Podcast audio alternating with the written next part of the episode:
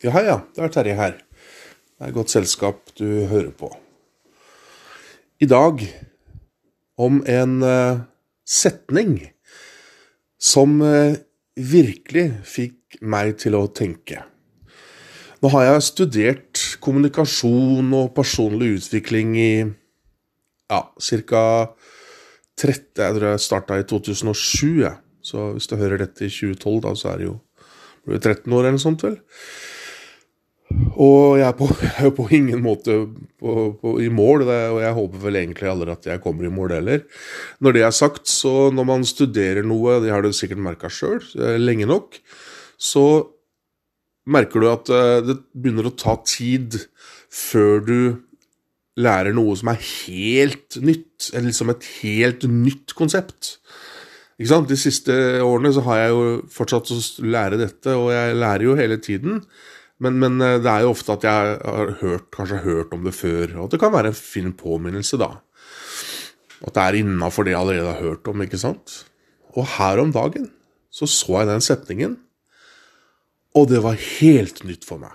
Og det var altså ja, eh, Vanskelig å gradere disse aha-opplevelsene, for så vidt. Men dette er nok eh, Vil jo tiden vise, da, men sannsynligvis eh, høyt oppe på lista over aha-opplevelser.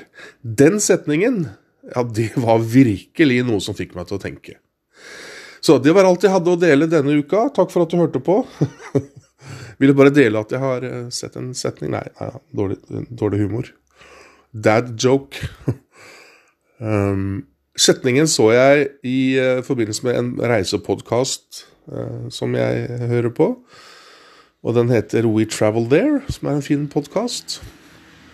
Når jeg så den i, i, forbindelse med noen som skulle bli intervjua på den podkasten, som het Jason, som uh, du kan etter hvert se, hvis du ønsker Han, han bestemte seg for å bli eh, digital nomade. Han, han, både YouTube-sida hans og eh, eh, domenet hans er eh, The Nomad Experience.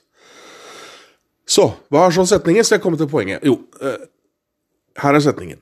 Lev livet som et eksperiment. Hmm. Da jeg så den setningen, så skjønte jeg at hvis du lever livet som et eksperiment Kall det gjerne en eh, forsker som eksperimenterer.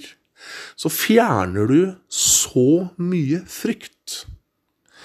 Du fjerner så mye behov for å skulle være suksessfull eh, og vellykka. Du, du gir deg sjøl tillatelse til å feile ved å ha den holdningen til å leve livet som et eksperiment. Når du da prøver ut noe nytt, så tenker du ja, det er ikke sikkert jeg skal holde på med dette så lenge. Hvem vet? Jeg vet ikke. Jeg eksperimenterer. Jeg tester ut. Og du blir jo altså så mye Ja, hvis du tenker at du tar på deg hatten til en forsker, da. En forsker er jo minst like mye opptatt av å finne ut hva som ikke funker, ikke sant? som hva som faktisk eh, funker. Og du blir så mye lettere til sinns. Du, du, tar ikke livet så alvorlig med perspektivet til en forsker å leve livet som et eksperiment.